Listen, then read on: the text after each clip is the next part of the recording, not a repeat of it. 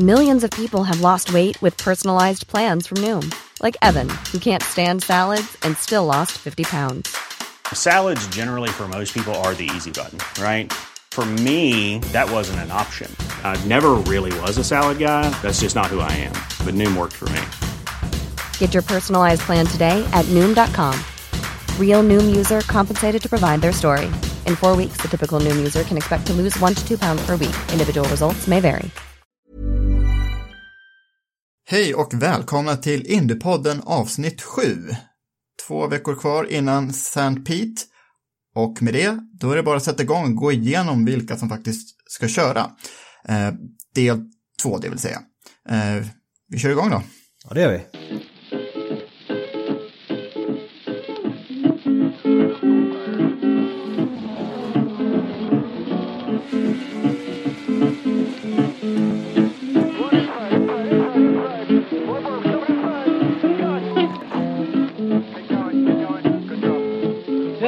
Know where my easy rider gone. Said I wanna know where my easy rider gone. She's an easy rider, she'll ride not so long. Var var vi någonstans nu? Vi, vi avslutade med eh, Chip Ganassi förra, förra veckan. Vi avslutar med Chip Ganassi. Eh, så vi har ju... av, Vi hade ju hoppat över Carlin. Det gjorde vi. Ska Det är vi sant. slänga oss över Carlin direkt eller? Ja, det kan vi göra. Det är ganska tacksamt för det finns ju inte så jättemycket att säga om Carlin. Dessutom ägnade vi ganska mycket tid åt att prata om dem redan för två avsnitt sen tror jag. Ja, vi- Två eller tre avsnitt sen. I samband med spring training, ja. Och det, Exakt.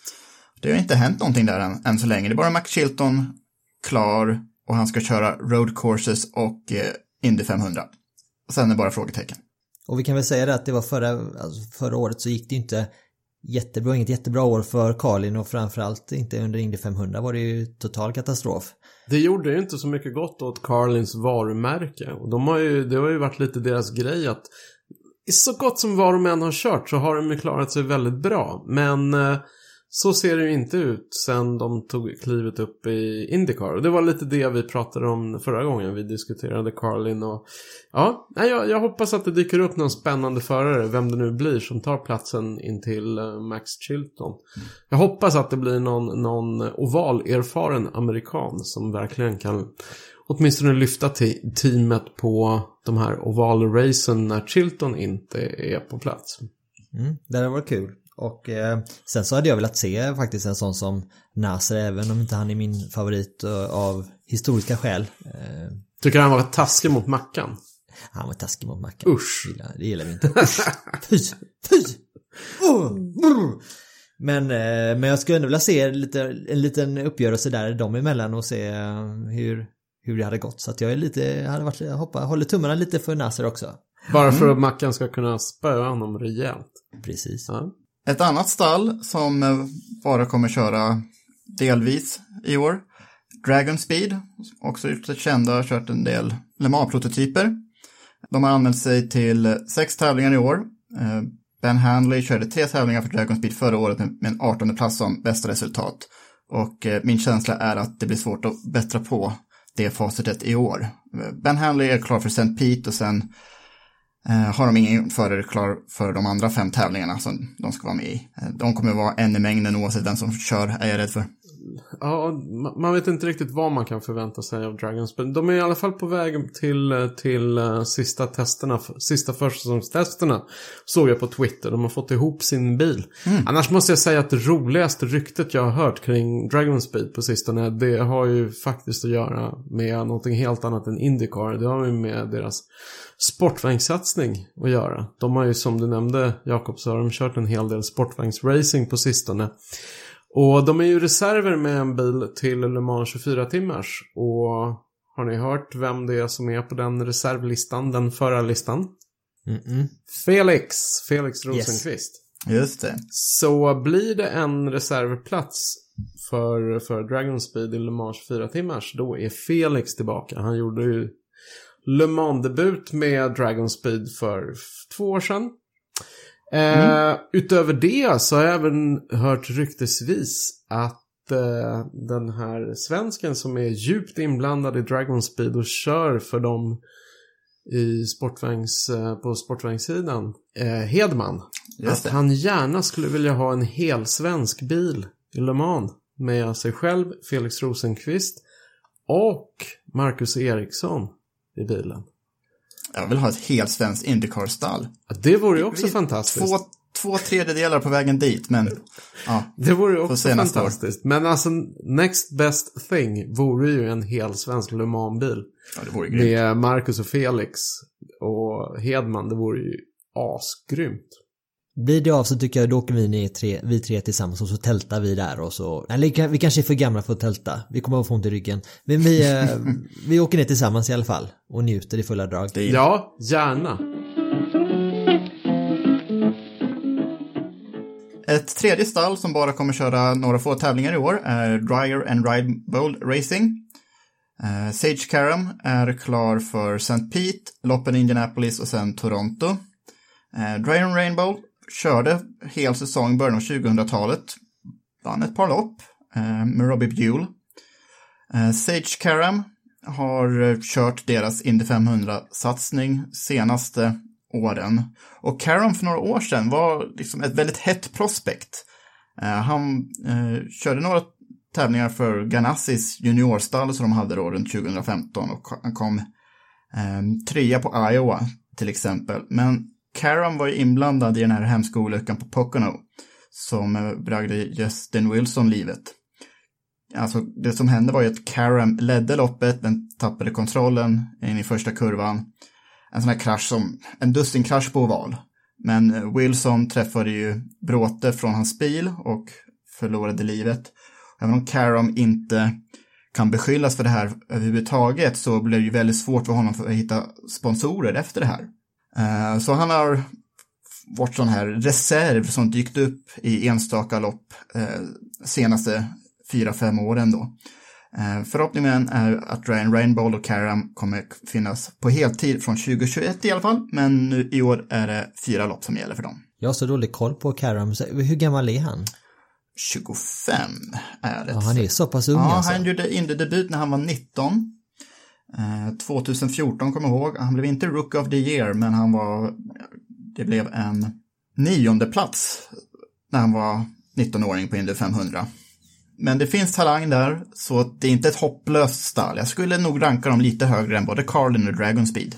Kan det här bli en ny start för Sage Karam? Ja, det kan det nog bli. Eftersom nu är det ju planerat i god tid hur året ska se ut. När de lopp han körde förra året till exempel, då drogs han ju in efter det att Chilton inte ville köra ovalerna till exempel. Han körde för Carlin också i Toronto där liksom det enda viktiga var ju att komma i mål. Så han kom i mål på 21 plats utan att liksom attackera överhuvudtaget. Så ja, det är bättre förutsättningar för, Car- för Karam nu än vad det gjort bort sen han var hos Ganassi då 20, 2015. Ska vi gå till ett heltidsteam nu kanske? Det låter som en bra idé. Vad har vi i listan? Vi, vi är på nu, nu, D då? D, D, D, D, D, Dale Coyne. Yes. Texas-teamet Coin. Där kan vi börja. Eller fortsätta. Och de har ju ändå varit inblandade i allra, allra högsta grad i uh, silly season här efter, eh, efter säsongen och eh, jag vet inte om man kan säga att det har stormat kring dem men det har ju varit en hel del turer med kring vilka som, som ska köra och vilka som med andra som ord inte får köra. Och nu har de landat i två spännande namn som kommer finnas i bilarna hela säsongen. Spanjoren Alex Palou och amerikanen Santino Ferrucci. Båda är välbekanta namn även för, för oss som mest har varit insyltade i europeisk racing. Ferrucci, mycket tack vare sin, eh, sina band till eh, Formel 2 och Formel 1-världen. I alla fall tidigare band.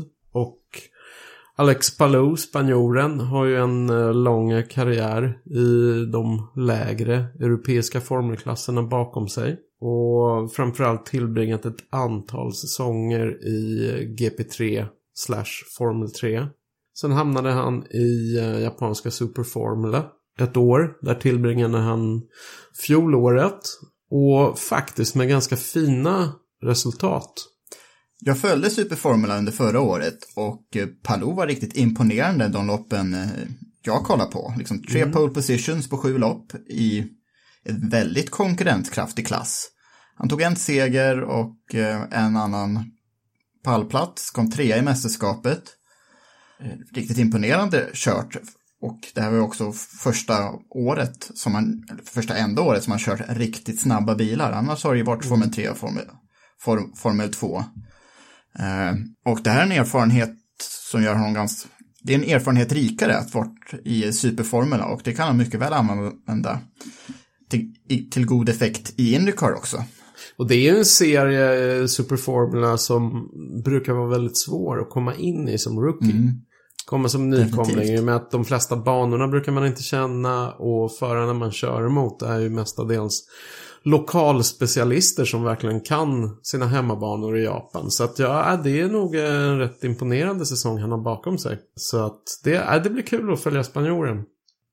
Om vi tittar på Santino Ferrucci då så gjorde han ju sin rookie-säsong förra året eh, för Dale Coyne och Eh, det får man ju säga ändå att det var förväntningarna på honom var väl inte så här skyhöga utan det var ju mer kanske tala om de andra de andra, de andra rookie-förarna då. Men eh, han hade ju en litet bagage kan man väl säga som han dumpade eh, halvvägs in på Indycar-säsongen. Eh, vi- Ska vi säga någonting om det? Det var lite kul varför nu sitter han ju kan man säga den ledaren i teamet här inför den här säsongen men eh, för ett par år sedan så var han inte lika het på förarmarknaden. Han har ju personligheten emot sig historiskt. Han har, han har haft en... eh, Han är ju säkert sympatisk på sitt sätt och går igenom eh, media och varit populär bland sponsorer och sådär. Men samtidigt så verkar han ha varit en jäkla pest att jobba med.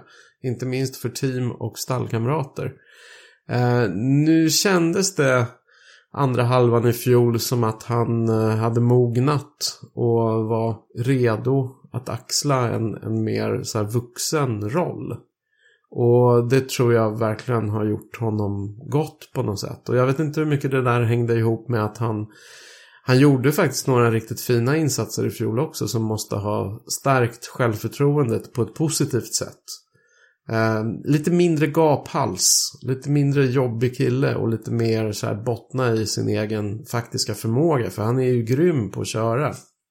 Och han, han gjorde ju också sån här, han, han anpassade sig till ovalracingen väldigt, väldigt snabbt och var ju en av dem Räknar man bara ovalracen under 2019 så var han ju väl eh, med god marginal topp 10 om inte ännu högre, var det inte så? Ja men det var han nog. Ja, han var definitivt bästa rookie i alla fall.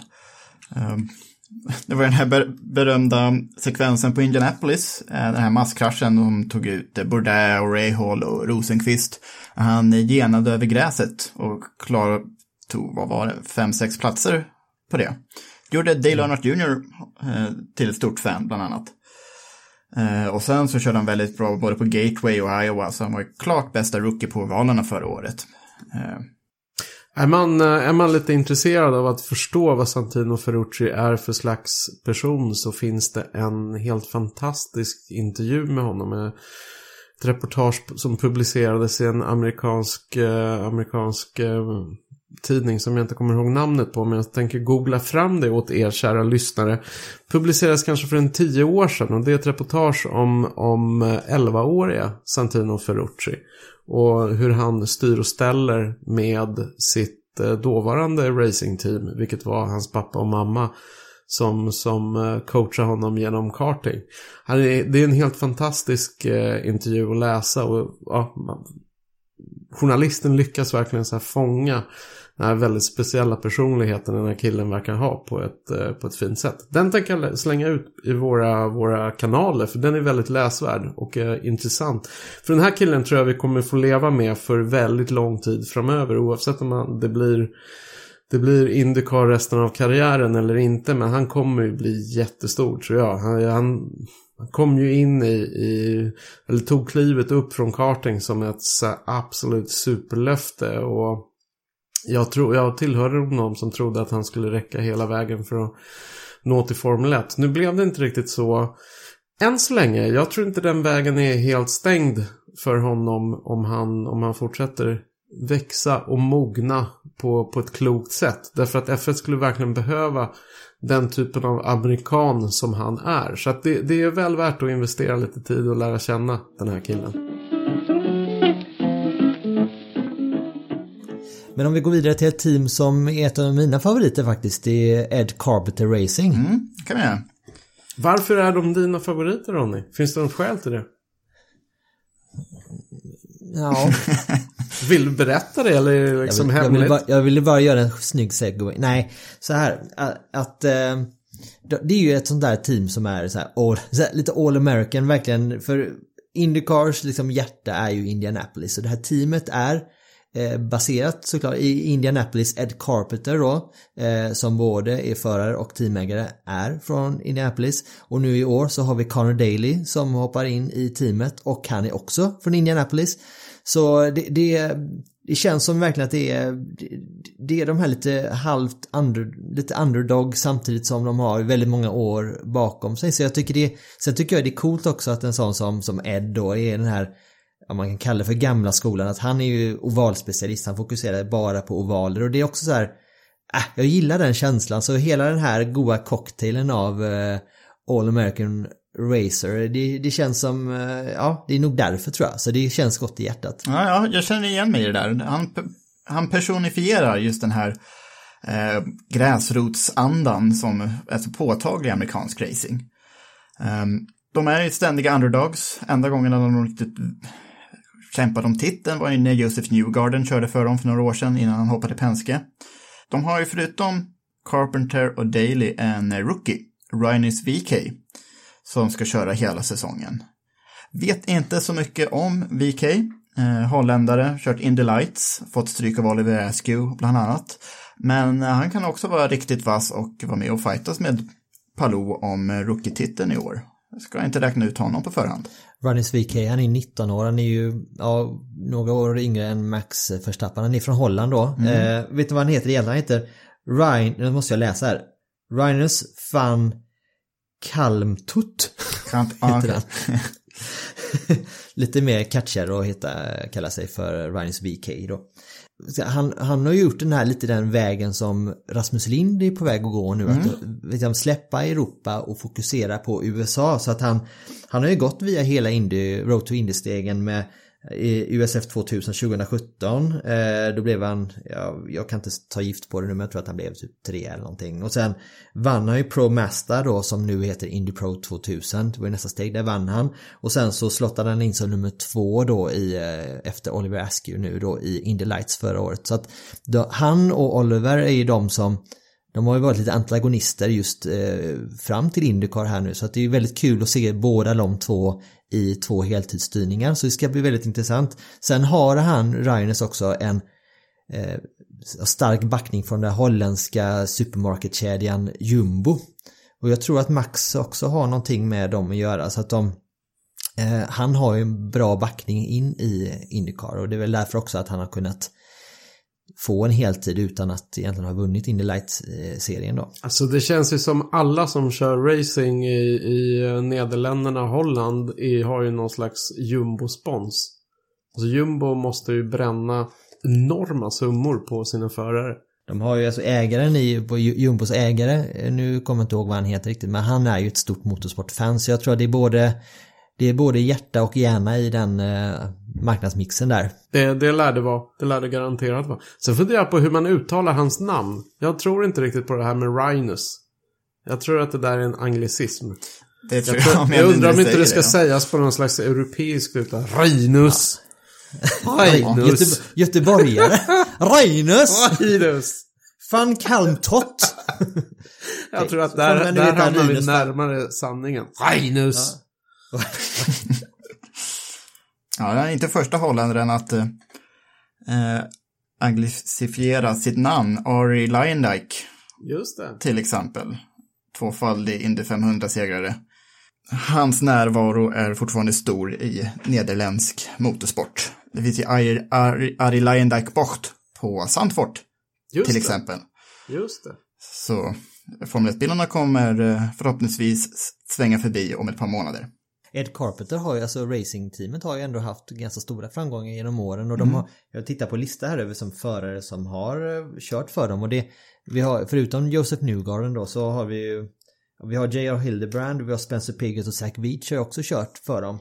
Eh, och så inte minst så Danica Patrick avslutade ju sin säsong, hon körde ju 2018 där, eh, Indy 500, det var med Ed Carpenter Racing. Just det. Nej, jag tänkte bara, där är en rolig kontrast mellan det här andra teamet som vi redan har pratat om, Dale Coyne Racing, som också har lite det här hela helylle amerikanska eh, imagen, tycker jag, från, från mitt håll. Men de har ju egentligen aldrig presterat särskilt bra. De har väl kanske 5-6 segrar över en så här 400 års period. Nej, jag överdriver, men de har hållit på väldigt, väldigt länge. Och de har ju egentligen aldrig haft någon sån här epok när de har varit starka. Det är lite konstigt, tycker jag. Med tanke på hur länge de har hållit på. Sen har de ju varit, om vi tar Ed Carpenter då som ändå varit synonym med Ed Carpenter Racing genom åren. För de grundade ju teamet 2011 då. Jag tror att han förlorade en styrning 2010 va. Så han tog ju saken i egna händer. Ehm, och sedan dess så har han ju, han har Ska vi säga just Ed Carpenter då. Han har ju, han blev ju tvåa 2018, det var det ju väldigt nära. Men sen har han ju kvalat front row på Indy 500 Ehm, och då menar jag att han blev tvåa i Indy 500 2018 och sen så har han ju, men han har ju kvalat front row fem gånger till Indy 500 så det är ju den där sista fullträffen som, som har saknats där. Och hade de fått in en, en sån, hade han fått in en sån fullträff då hade man kanske sett på dem på ett annat sätt eh, historiskt. Med tanke på det du sa där om att den här sista, eller top notch så har de liksom aldrig nått upp dit. Men vi, man vet aldrig, kanske 2020 kanske blir året då det händer. För vi har ju Connor Daly också och det, där har vi ju verkligen någon som han är ju väl en av de mest populära förarna på griden egentligen och så förra året så hade han ju egentligen bara ett race då. Eh, han skulle köra för Andretti på Indy 500 men han hamnade väl i någon form av Indycars vikariepool för att han, det blev ju sju race till slut och han för tre olika team. Han var ju verkligen handelsresande med hjälmen under armen. Det ska bli kul att se honom i tillsammans med eh, just i Ed Carpenter. Sen får vi se om det blir fler. Eh, han, han kör ju bara ett ovalrace i år, det är ju Indy 500 men han har ju verkligen kvaliteter för det också så jag skulle vilja se honom på alla race egentligen. Så får vi se om det löser sig med något annat team. Ja, om vi säger så här, liksom, han kommer ju köra de första åtta loppen på, raden. Om det går väldigt bra där så kanske det löser sig för hela säsongen för, för honom. Liksom, om man ligger trea i mästerskapet så vore det dumt att saka andra hälften av säsongen. Eh, så får se hur länge Ed Carpenter håller i det här att han ska köra ovaltävlingarna på bekostnad av någon annan säsong, kanske. Men Daly har poten- potential. Sen har vi ju Rahal Letterman Lanigan Racing, eller hur? Det borde vara ett av mina favoritstall, men jag är inte så säker på det. Eh, Varför, Varför varför, borde det vara ditt? David Letterman måste man ju älska. Han är Ja. störtskön. Ja. Och han, sen han pensionerade sig från eh, eh, tv, han finns på Netflix lite här och var, men sen han pensionerade sig liksom från att göra tv på heltid så har han växt ut det här fantastiska skägget också som man bara vill ta på. Just det. Eh, han har hjälpt till Bobby Rahal i, det är snart 30 år. De har drivit ett stall tillsammans. Eh, stallet grundade Bobby Rahal 1992. Vann mästerskapet 1992, vilket var ju rätt fantastiskt att vinna se- serien på första försöket med egna stallet. Eh, förra året gick ganska bra för det här stallet, trots allt. Särskilt för Takuma Sato. Men samtidigt gick det ju otroligt dåligt vissa stunder för dem. Jag vill också säga det att det var, det var, det var väl bara en, en annan förare som tog fler segrar än vad Takuma Sato gjorde förra året. Ja, det var... Newgarden vann fyra och Pagino tre, men Sato vann ändå två lopp. Och det är, han har aldrig vunnit fler än ett lopp i en säsong tidigare. Eh, Så det var på det viset hans starkaste säsong i Indycar. Eh, Men han eh, krockade ju fortfarande lite väl mycket. Och just det som hände på Pocono, det var ju att eh, insatserna var ju ganska höga. Det var ju väldigt viktigt för serien att det skulle bli ett säkert första varv efter den tragiska olyckan 2018 när Robert Wickens bröt ryggen. Och sen, Kommer Takuma Sato. ja, Och bara, håll min sake. ja, li- lite så var det ju nästan. Jag, jag är inte helt säker på det. ja, jo. Inte hundra på att det var 100% hans fel dock, men det såg verkligen så ut från tv-bilderna. Till masskrasch på första loppet dödsdömde ju Indycar-tävlingen på Pocono. Men det här är ju lite hans, hans särdrag, Takuma Satos, eller hur? Ja, precis. Hans motto är ju no attack, no chance. Och ja. ja, visst, men han har ju förlorat fler tävlingar än han har vunnit med den attityden. Men dock, vad som hände sen på Gateway veckan, veckan efteråt var ju att Sato igen i första kurvan, första varvet, krokade ihop lite grann med en annan bil, men nu var det ingen som tvingades bryta. Eh, och sen så föll ju allting i Satos händer, så han gick ju och vann på Gateway. Eh, kom från ingenstans i det loppet. Eh, så han kan ju fortfarande köra, liksom bättre än någonsin. Han är ju en av seriens äldsta förare, han är 40. Eh, men han kan fortfarande köra, så det finns ju ingen anledning att tro att han kommer halva runt runt 15-20 plats i år. Och han verkar vara väldigt populär i teamet. Inte ja. minst Letterman verkar vara otroligt förtjust i sin förare. Ja, alltså Sato är allmänt populär var han än rör sig verkar det som. Särskilt hemma i Japan så är han ju större än vad Kobayashi lyckades bli i Formel 1 till, ja. till exempel. Så han är ju fortfarande ett jättenamn hemma i Japan trots det är nu 12-13 år sedan han var i Formel 1 senast. Uh, liksom när han vann Indy 500 2017, det fanns ju inte någon som var missnöjd med det resultatet. Det var ju en fantastisk historia att han lyckades vinna Indy 500 då. Ehm, den som allra helst vill slå Sato då, det blir Graham Rahal, som eh, hans karriär har gått ganska mycket upp och ner. Ehm, ganska lik Marco Andretti på det sättet, men han har lyckats leverera lite mer än vad Marco har lyckats göra. Rahal debuterade när han var 18 år gammal i Champ Car 2007 och sen så slog ju Champ Car-serien och Indycar-serien ihop inför 2008 års säsong och Ray Hall vann då första loppet han var med i, i St. Pete, en regnig historia. Och han var då den yngsta någonsin att vinna ett Indycar-lopp, 19 år gammal. För Ray Halls del skulle han inte vinna ett lopp igen förrän han var 26. Så det var liksom en torka på sju år. Och bästa resultat i mästerskapet hade varit en sjunde plats innan dess, men just 2015 gick otroligt bra. Han var med och slogs om mästerskapet. 2014 kom han 19 plats i mästerskapet, 2015 fjärde. Två segrar och eh, sex podiumplatser. Eh, så det var ju fantastiskt bra. Han har hållit en ganska okej okay, hög nivå senaste fem åren. Nu droppade lite. Eh, under 2019 kom 10 i mästerskapet förra året. Han har inte vunnit något lopp sedan 2017. Men på en bra dag så är absolut Ray Hall med och slåss om podiumplatser. Eh, det du sa om att han har en del likheter mellan Mark och Andretti då, det, det är ju att båda två har ju väldigt eh, kända föräldrar vars skor du eh, kanske känner tryck utifrån att fylla.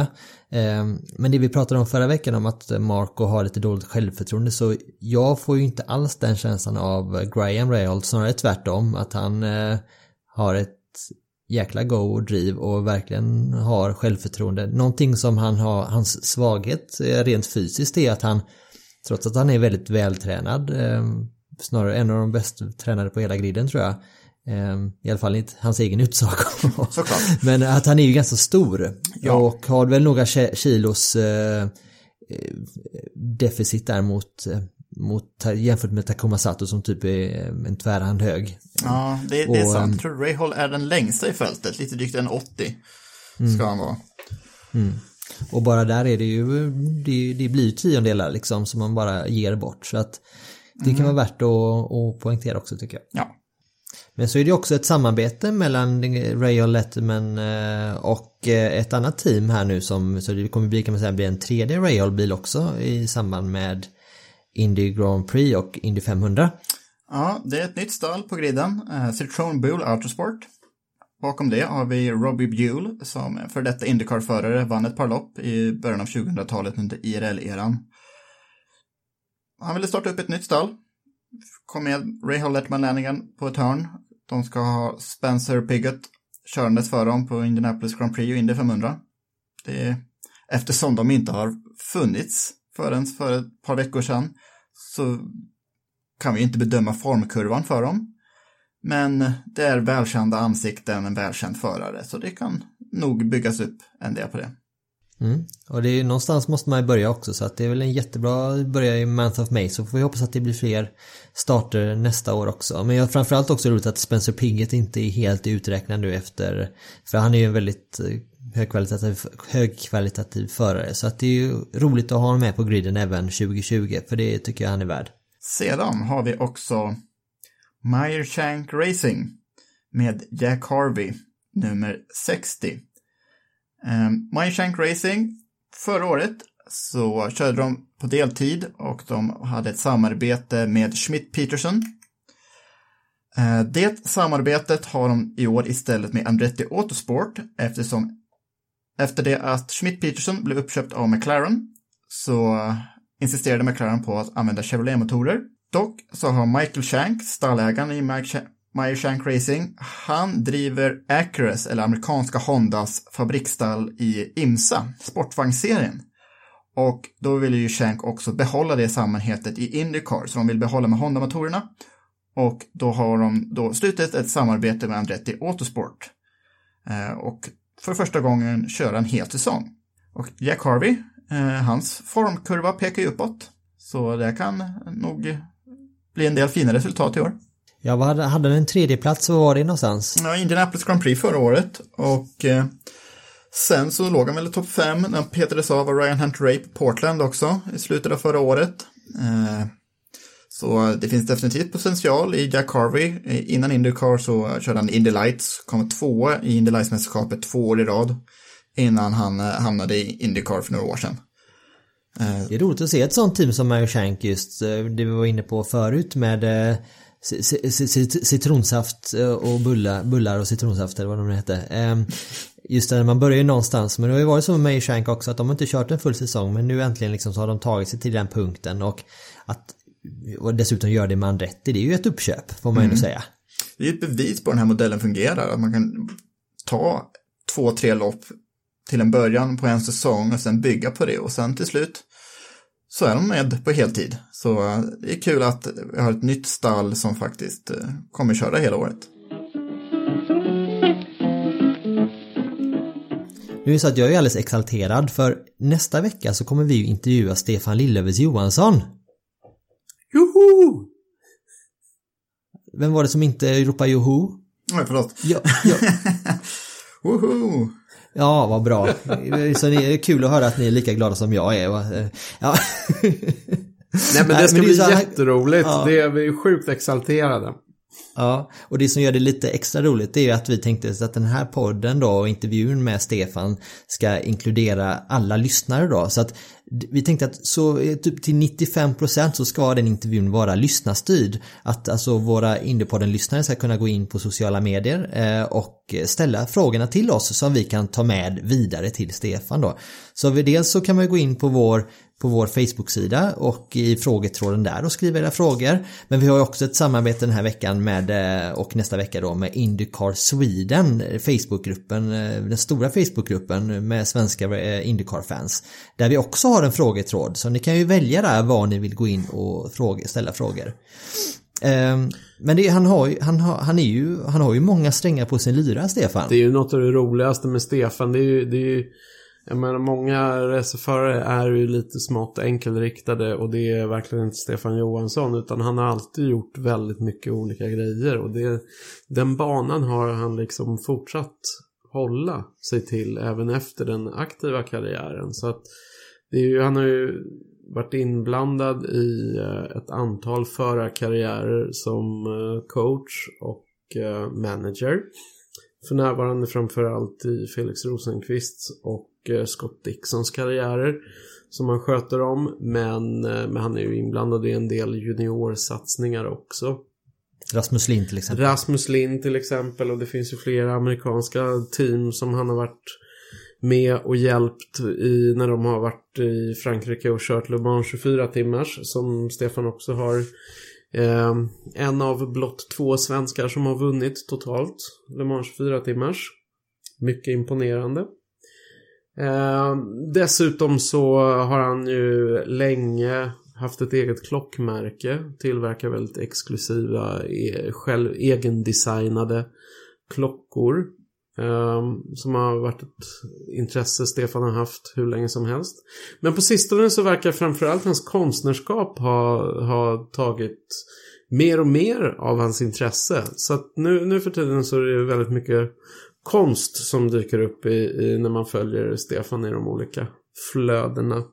Och det här är någonting som jag gärna skulle vilja uppmana er lyssnare och ta gärna en titt på hans konst. Hade du eh, adressen? Ja, stefanjohansson.art, alltså stefanjohansson.art kan man gå in Han är väldigt färgglad, eh, mycket abstrakt konst och så. Jag tror han, han har ju döpt många av de här verken också efter olika kända kurvor va, från Formel 1-cirkusen. Just det. Mm. Um, och nu är det faktiskt så att han har ju också, vi har ett litet erbjudande till er, er lyssnare här också. Um, det är så att Stefan har nu valt att göra ett antal, trycka upp ett antal som kallas Fine Prints. Eh, på eh, något av sina originalmålningar eh, i begränsad upplaga signerat och numrerat då. Och om ni går in och bestämmer er för att köpa ett av de här, en av de här fine printsen så får ni 15% rabatt om ni anger promokoden Indiepodden. Yes! Det är skitbra ju. Jag är lite sugen på den här som heter, den heter Lucha Li... Brottaren där, den Brottaren, mexikanska ja. fribrottaren. Okej. Okay. Just det. Den blev den... du lite sugen på. Ja, Lucha Libre heter den. Yes. Eh, jag tycker jag ska ju flytta till hus nu i vår här och den, den hade ju suttit perfekt i vardagsrummet. Mm. Det är någonting jag ska fråga nästa vecka. Det är, det, vem är det under masken? Det vill man ju Men veta som... innan man hänger upp eh, hen på väggen hemma, eller hur? ja, men det hade varit en fördel i alla fall. Så ja. vi har inte riktigt bestämt mig ännu men vilken det blir. Men den, är, den ligger i vinnarhålet just nu i alla fall. Ja. Men som sagt, ni kan få 15% rabatt om ni anger koden, promokoden Indiepodden. Så gå in på stefanjohansson.art och eh, börja botanisera där. Så blir det bra. Och bomba oss med frågor till Stefan. Mm, och jag kan ju säga det att Stefan är liksom en storyteller av liksom finaste sort. Så att utmana honom gärna lite med lite och försöka få igång hans eh, historieberättande så kommer detta bli helt grymt. På riktigt. Yes. Innan vi tar itu med eh, Roger Penske och hans gossar mm. kanske ska prata om någonting annat som har drabbat hela världen och då ja. inne i motorsportvärlden. Tänker virus. Ja, coronaviruset covid-19 har ju redan nu skördat tävlingar, om man får säga så. MotoGP i Qatar blir inte av, Moto 2 och Moto 3 blir av där. MotoGP i Thailand blir inte av överhuvudtaget. Eh, alla tävlingar i Japan i eh, Superformula och andra GT-klasser är helt inställda eh, till och med april åtminstone och det får frågetecken Eh, om en del Formel 1-tävlingar, inte bara Kinas Grand Prix som vi vet sedan tidigare, men Vietnam, Bahrain och eh, Australien också frågar sig en del om. Vad kan vi förvänta oss när det gäller Indycar-säsongen? Kommer coronaviruset drabba den på något sätt, tror vi? Ja, jag tror att det beror alldeles på hur eh, virusspridningen utvecklas i USA. Men, men jag, tror, jag tror inte att det är helt osannolikt att säsongen blir påverkad. Mm. Om virusspridningen blir lika så här, drastisk och intensiv. Om det nu skulle bli så som den har blivit på en del andra ställen som Sydkorea och Iran, Italien nu senast. Mm så, så tror jag nog att säsongen skulle kunna bli påverkad. Och nu verkar det ju som att det har blivit en... Att spridningen har kommit igång, framförallt i staten Washington. Men... Eh, och ingenting ja. tyder på att amerikanerna har hittills varit så särskilt duktiga på att, eh, på att förbereda sig för vad som kanske komma skall. Så att jag vet inte. Mm, nu, nu, nu spekulerar vi ju så det finns absolut ingenting sagt om det här från Indycars håll, men det kan vara bra att hålla koll på läget. Det är ett 60-tal insjukna i USA, ingen som har dött än, så vitt jag vet. Men om det blir lika allvarligt som i Korea eller Italien, då är det klart att det, det är väldigt otäckt. Jag tänker mig så här att eh, vi fick ju häromdagen reda på att Genèvesalongen eh, blev inställd. Till exempel. Eh, och det, det är ju någonting som så här, jag tror ingen hade ens kunnat föreställa sig skulle hända bara för en och en halv, två månader sedan. När, när man började höra, ta, höra talas om den här, det här viruset som spreds i Kina. Och jag, i värsta fall så kan jag föreställa mig även den typen av, av eh, eh, effekter i USA. Och jag menar om vi nu har en stor, eh, stor smittspridning i USA om säg två, två och en halv månad. Då är det väldigt svårt att se till exempel om det är så klokt att samla 300 000 personer på ett och samma ställe och köra Indy 500. Ja men det är ingen fara ser du. Det är lugnt. Nej, du ska ju Worst dit. case Så det, du, får, ju- du får i sådana fall köra över och styra upp det här Ronny. Ja, Nej, men det är så att, eh, nej men det, det är lugnt. Så det kommer, det kommer bli av. Det kan jag garantera dig. Är det Ta i så? trä, ta i trä. Ta i trä. Tillbaka till stallen då. Sist men absolut inte minst, Team Penske. En riktig stormakt. Och framförallt nu också när Roger Penske eh, och med familj eller med, med och hela hans företag har ju De har ju köpt alltså hela Indycar och eh, i- i- IMS också. Ja, precis. Kan ni tänka er om Toto Wolff och Mercedes skulle köpa upp Formel 1-cirkusen? Det är lite det som har hänt. Fast Mm. Penske är sån som alla litar ju på honom till 100%. Han har haft bäst omdöme i motorsport senaste 50 åren, skulle jag nästan vilja säga. Ja, Det är väl ytterst få som har motsatt sig det här beslutet utan det är över, övervägande, verkligen övervägande är alla jättepositiva. Både teamägare och förare och eh, branschen och även sponsorer. Så att det, här, det känns ju som på pappret att detta är en riktigt lyckodrag. mm. Det är fem förare som kommer köra Penskes bilar i år. Vill ni gå igenom dem? Ja, regerande mästaren Joseph Newgarden. Kan man inte, kan man inte missa, eller hur? Han har ju, Nej. han har ju ett antal väldigt starka säsonger bakom sig. Där den senaste mästerskapssäsongen 2019 var ju ganska så imponerande tycker jag. Där han relativt tidigt i säsongen med jämna resultat tog ett starkt grepp om mästartiteln. Även om mästerskapet sen levde eh, ganska länge så var han ju väldigt stark i fjol. Sen har vi, sen har vi eh, Will Power. 2018 års eh, Indy 500-vinnare och blev femma i sammandraget nu förra säsongen. Just det. Jämn och stark förare. Som kommer att fortsätta ligga, vara med i täten.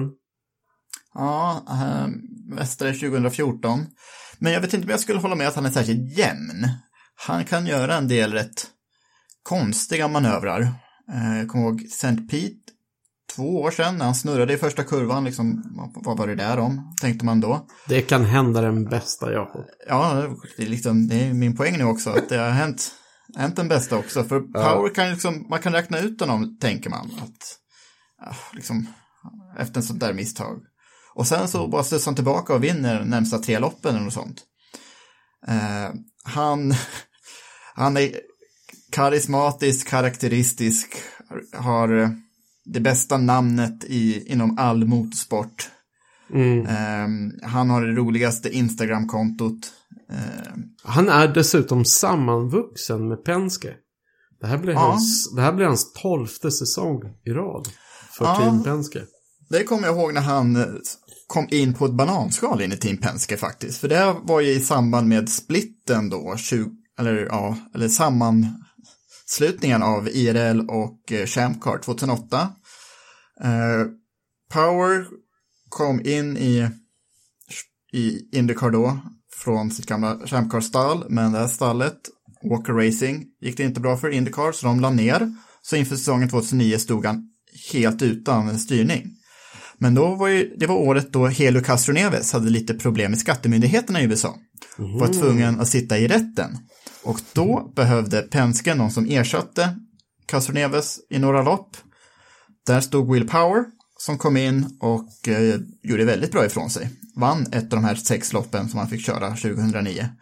Och sedan dess har han inte hamnat sämre än femma i mästerskapet de senaste tio åren.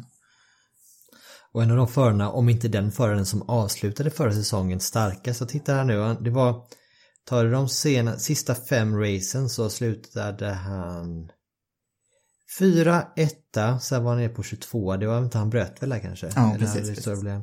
Och så etta, tvåa. Mm. i de två avslutningarna. Så att tänk om man kan bygga vidare på det momentumet för eh, ser man nu återigen inte dra för stora växlar på det men tar du springtraining så förutom att Penske toppade där tillsammans med Andretti så var ju Will Power där uppe också på, han blev tvåa tror jag eller någonting sånt där. Ehm, så att Will Power ska man aldrig räkna ut, inte ens när det går åt helskotta i början av racen så på något vänster så lyckas han ta sig upp och hamna på ganska eh, gedigna poängplatser. Ja. Ehm, kvalkung också. Också var det en ganska rolig statistik som man märkte efter 2019 att under 10-talet så den som vann flest lopp, det var Will Power. Flest pole positions, det var Will Power. Flest lopp i 500 mile lopp. Alltså flest, flest segrar i 500 mile lopp. Det var Will Power. Så eh, han toppade i stort sett all statistik från 10-talet förutom mästerskapstitlar och Indy 500-segrar. Vet ni förresten på rak arm hur många Indy 500-segrar Penske har som team? Åh. Ja, det är som 16-17. Det är som Porsche på Le Mans. Ja, det är nästa. Det är, det är ju till och med värre tror jag. 18. Det är ju Där rätt galet. Imponerande. Ja. Tänk vad de ska fira när, när det blir nummer 20. Just det. Det väl bara vara en fråga. Hoppas eh, pappa Penske får uppleva det. Ja, Han är ju lite till åren kommen. Ja, han är en bit över 80, men han är i energi som... Ja. Jag är 30 och han har nog mer energi än vad jag har. Han verkar ju lika exalterad, lika, lika engagerad i racing som han alltid har varit. Ja, liksom... När det är 224 timmar, så då är han ju vaken hela dygnet och följer sina bilar där, så att... Ja, ja det är tufft när man är 80 Det- plus. Precis. Och han är ju också som många av de andra en gammal förare.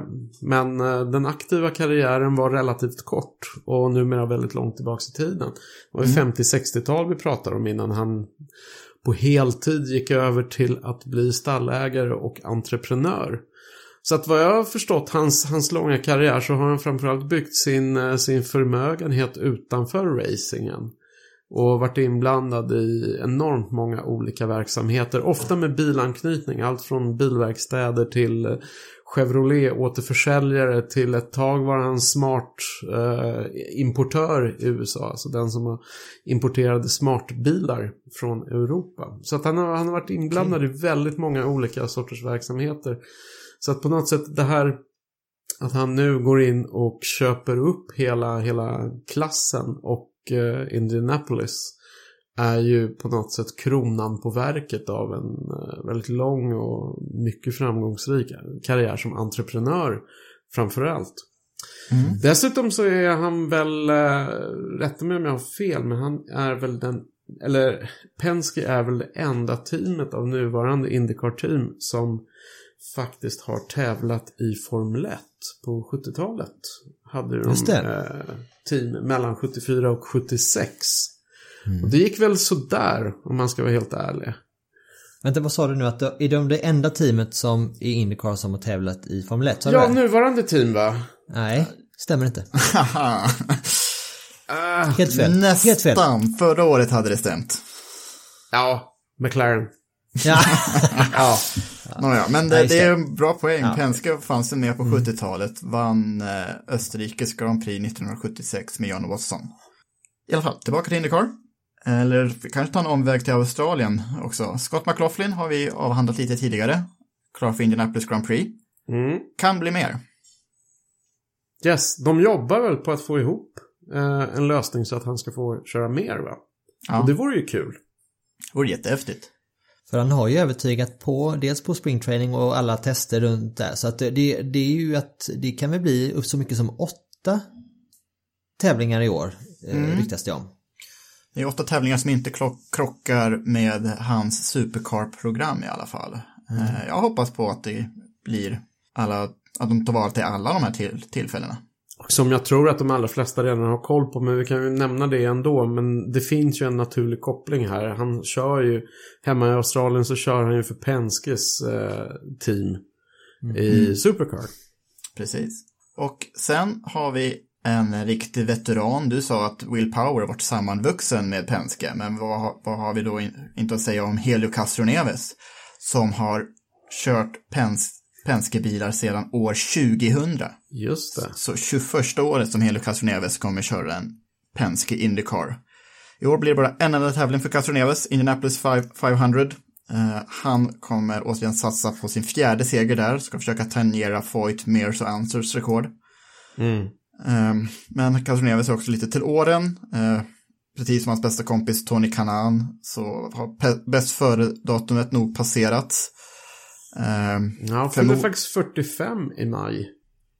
menar du att man inte har passerat bäst före-datumet till 45, eller? Jag vet inte, jag fyller snart 46 så det får jag... Och jag har inte ens startat. du har dina jag har bäst- inte du ens har gjort inte- ett, en start på Indy Men du har inte 500. pikat ännu Greger. Jag har pikat för länge sedan. Nej, du har du inte. Du har fortfarande det framför dig. Jag har mina bästa år framför mig. Ja, det är klart. Castro, Castroneves kör på heltid Penskes Imsa-stall. I Sportvagnsprototyperna där. Och den, Sen har vi Sa- Simon Pagenaud också. ja, den sista föraren att gå igenom. Han som vann Indy 500 förra året. Ja, han rensade ju hela Month of May. Han var Ja. otroligt stark där. Och tog sen ytterligare en seger var i Toronto. Mm. För ett år sedan när man pratade om Pagenot så var, mycket, så var snacket mycket om hur länge kommer han sitta kvar hos Penske. För hans 20, 2018 var svagt för hans mått mätt. Han vann ju mästerskapet 2016. Eh, Men eh, 2019 var ju Pagenots, förutom mästerskapsåret, det var nog hans starkaste år. Och eh, han var väl den enda som var i närheten av Newgarden mot slutet av året. Eller dagsform. Så jag tror nog att Pagenot, hans plats hos Penske är nog ganska säker, skulle jag säga. Och han är ju faktiskt bara 35. Så att Mm. teoretiskt har han ju väldigt många år kvar att köra. Om Mm. han liksom håller sig på den här ganska höga nivån. Så att det är ju, det är ju rätt snygg. Eh, och lite förvånansvärd eh, omvändning från att vara uträknad till att plötsligt känns det som att han har ju, han har ju en framtid för sig. Kan ju bli Mm. fler mästerskap. Eh, han har en väldigt gullig hund också, som heter Norman Pagenot. Finns på Instagram att följa. Norman Pagenaud. ja, Ronny, har du fått din biljett till Indianapolis 500 än? För att den hunden ska vara med på biljetten. För, man, för det är alltid ett porträtt på förra årets segrare på Indy 500-biljetterna. Och då var det en social mediekampanj som fick eh, Indianapolis att bestämma att Norman Pagenot skulle vara med på Indy 500-biljetten till i år. Jag har faktiskt inte sett den ännu men jag har hört samma sak så att jag, det ser jag fram emot. Kul! Det konkluderar ju faktiskt samtliga 35 förare i eh, årets eh, Indycar-säsong. Mm. Det var väl roligt? Ja, då, då finns ju faktiskt flera luck- luckor över. Ja, just det. Vem, vem vinner mästerskapet då? Jag skulle precis fråga det. Ska vi göra, jag våga oss på ett varsitt tips? Jag tycker vi gör det nu och sen kanske vi kan göra det efter St. Pete också. Och sen måste vi Vadå, hålla ska, du fast på det. ångra det? ska du ångra det efter St. Pete? Ja, det är fortfarande lite tester kvar innan säsongen drar igång. Eh, Så det är lite tidigt att göra det än, men visst, jag är på. Ja, okej. Jag kan börja då. Ehm, och då säger jag Alexander Rossi säger jag. Varför? Jo, för det, han har ju varit han har varit på gång ett, några år här nu och han har vunnit Indy 500. Han var ju, gick ju in med hög svansföring inför förra säsongen och det blev ju inte riktigt, eh, resultaten inte riktigt hans väg. Eh, Men jag tror att det är Andrettis tur i år och då tror jag att det är Rossis tur. GG, vad säger du? Alltså, jag hade också tänkt att säga Alexander Rossi. Och jag hade tänkt Ha! att säga exakt av samma anledning som Roddy, så luften har gått ur mig. Jag ligger här och, och ja. Det, det vore ju kul att komma på och säga någonting annat. Så jag får nästan, jag får nästan eh, ändra mig. Jag tror... Eh, nej, jag tror Scott Dixon. Säger jag i sådana fall. Jag, jag tror lite sådär gammal är äldst. Och han är ju alltid med där. Han är så gott som alltid stark. Och det gick så där förra säsongen. Jag tror att han är revanschsugen. Och eh, Scott har ju en enormt hög lägsta nivå. Och det tror jag han kommer vinna på i år. Men som sagt, egentligen hade jag velat säga Alex Rossi också. Så jag, jag halvgarderar kan man säga. Nej, Men jag kan ju gå tillbaka, jag ångrar mig. Vill du ha, vill du ha, eh, vill du ha Rossi i så fall? Ja, men nu har jag redan talat mig varm för Scott. Mm. Så ingen av er satsar på någon av svenskarna alltså? Ja, du. Ja, och, mm. Jag... Eh, det är rätt tråkigt att se någon av Penske-förarna, även om det är ganska realistiskt. Men jag tror att Marcus Eriksson kommer köra bättre än någonsin, och han någonsin gjort. Han såg ut att ha så himla kul förra året och nu sitter han i likvärdigt material som Scott Dixon. Jag, jag tror han kommer vinna lopp. Jag tror att han, att jag, jag, jag satsar på Marcus Eriksson. Coolt. Jag hoppas du har rätt. Det är gött att höra. Härligt. men- men... jag tror ju faktiskt när vi ändå pratar om, om svenskarna så tror jag att ehm, båda två har ju jättepotential att göra bra ifrån sig och jag, jag skulle ju inte förvåna mig om vi har båda två eh, topp 7 när eh, vi summerar 2020 sen.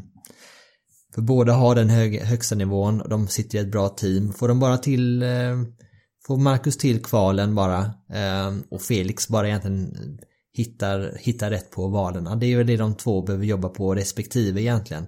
Så eh, finns ju ingenting som kan som skulle tala emot det som du är inne på här. Mm.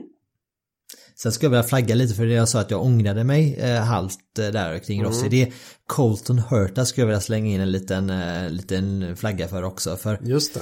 Ja, alltså Sverige förra året på Vismo hade ju otroligt hög, kanske högsta, högsta nivån av allihopa egentligen.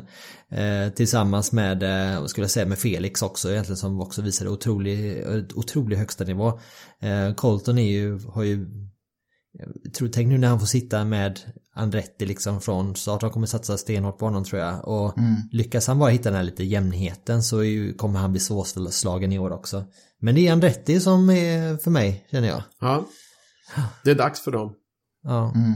Jag får säga det nu när vi, vi kanske är dags att av, avrunda här nu men eh, jag vet inte, det kommer inte med riktigt på inspelningen här men jag sa ju att jag har haft en lite skitdag idag. Allt har gått fel för mig. Men nu en, liksom knappt en timme med, med er nu så känner jag mig glad igen. Vad roligt. För. Ja, roligt. En sån här terapeutisk bieffekt av Indiepodden. Den Ja. får vi flagga för. Ja. För funkar det på dig Ronny, då funkar Ja. det på andra. ja, det är härligt. Kan inte vi börja Ja. sälja så här självhjälpsböcker med Indiepodden? Vi kommer bli det till slut. Imperium. Det är så vi börjar bygga imperiet. Yes! Och kan om någon skulle vara intresserad faktiskt så att vi, det är ju bara liksom så här ett embryo så att men hade det inte varit kul liksom att arrangera en typ en Indy 500-resa så där man kan eh, där, där vi liksom sätter ihop något form av paket där vi kan åka ganska många och uppleva, eh, uppleva det på plats. Det hade ju varit jättekul. Absolut. Så är, om folk är sugna på det så skicka gärna, hör av er och så att vi vet, vi kan pejla av läget lite och hade det varit hade det varit intressant så kan det ju bli lite ännu roligare för oss att börja arrangera en sån sak. Så vi, det är ju så här på skissstadiet men man kan ju börja fundera kring det. Absolut. Kom med era synpunkter, vi finns på alla sociala medier. Vi läser kommentarer, vi tar åt oss ko- kommentarer, vi har, vi har det roligt tillsammans och Indycar, Indycars liksom, eh, Sverigesällskap som det har blivit vä- växer ju. Eh, för två år sedan fanns det ju inte och nu eh, har vi två världsklassförare i ett av de bästa stallen. Eh, Så den här säsongen kommer vi minnas länge i Motorsport-Sverige. Det är en superhäftig utveckling. Så det är jätteroligt att, att det är så många som har hakat på den. Tack för idag och tack till eh, vår samarbetspartner Automotorsport också såklart. Tack så jättemycket. Tack själva. Hej då!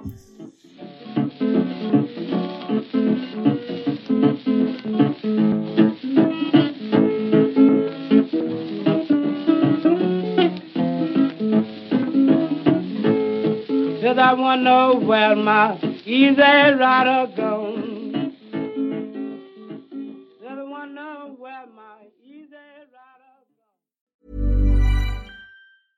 Want flexibility? Take yoga. Want flexibility with your health insurance? Check out United Healthcare Insurance Plans. Underwritten by Golden Rule Insurance Company, they offer flexible, budget friendly medical, dental, and vision coverage that may be right for you. More at uh1.com.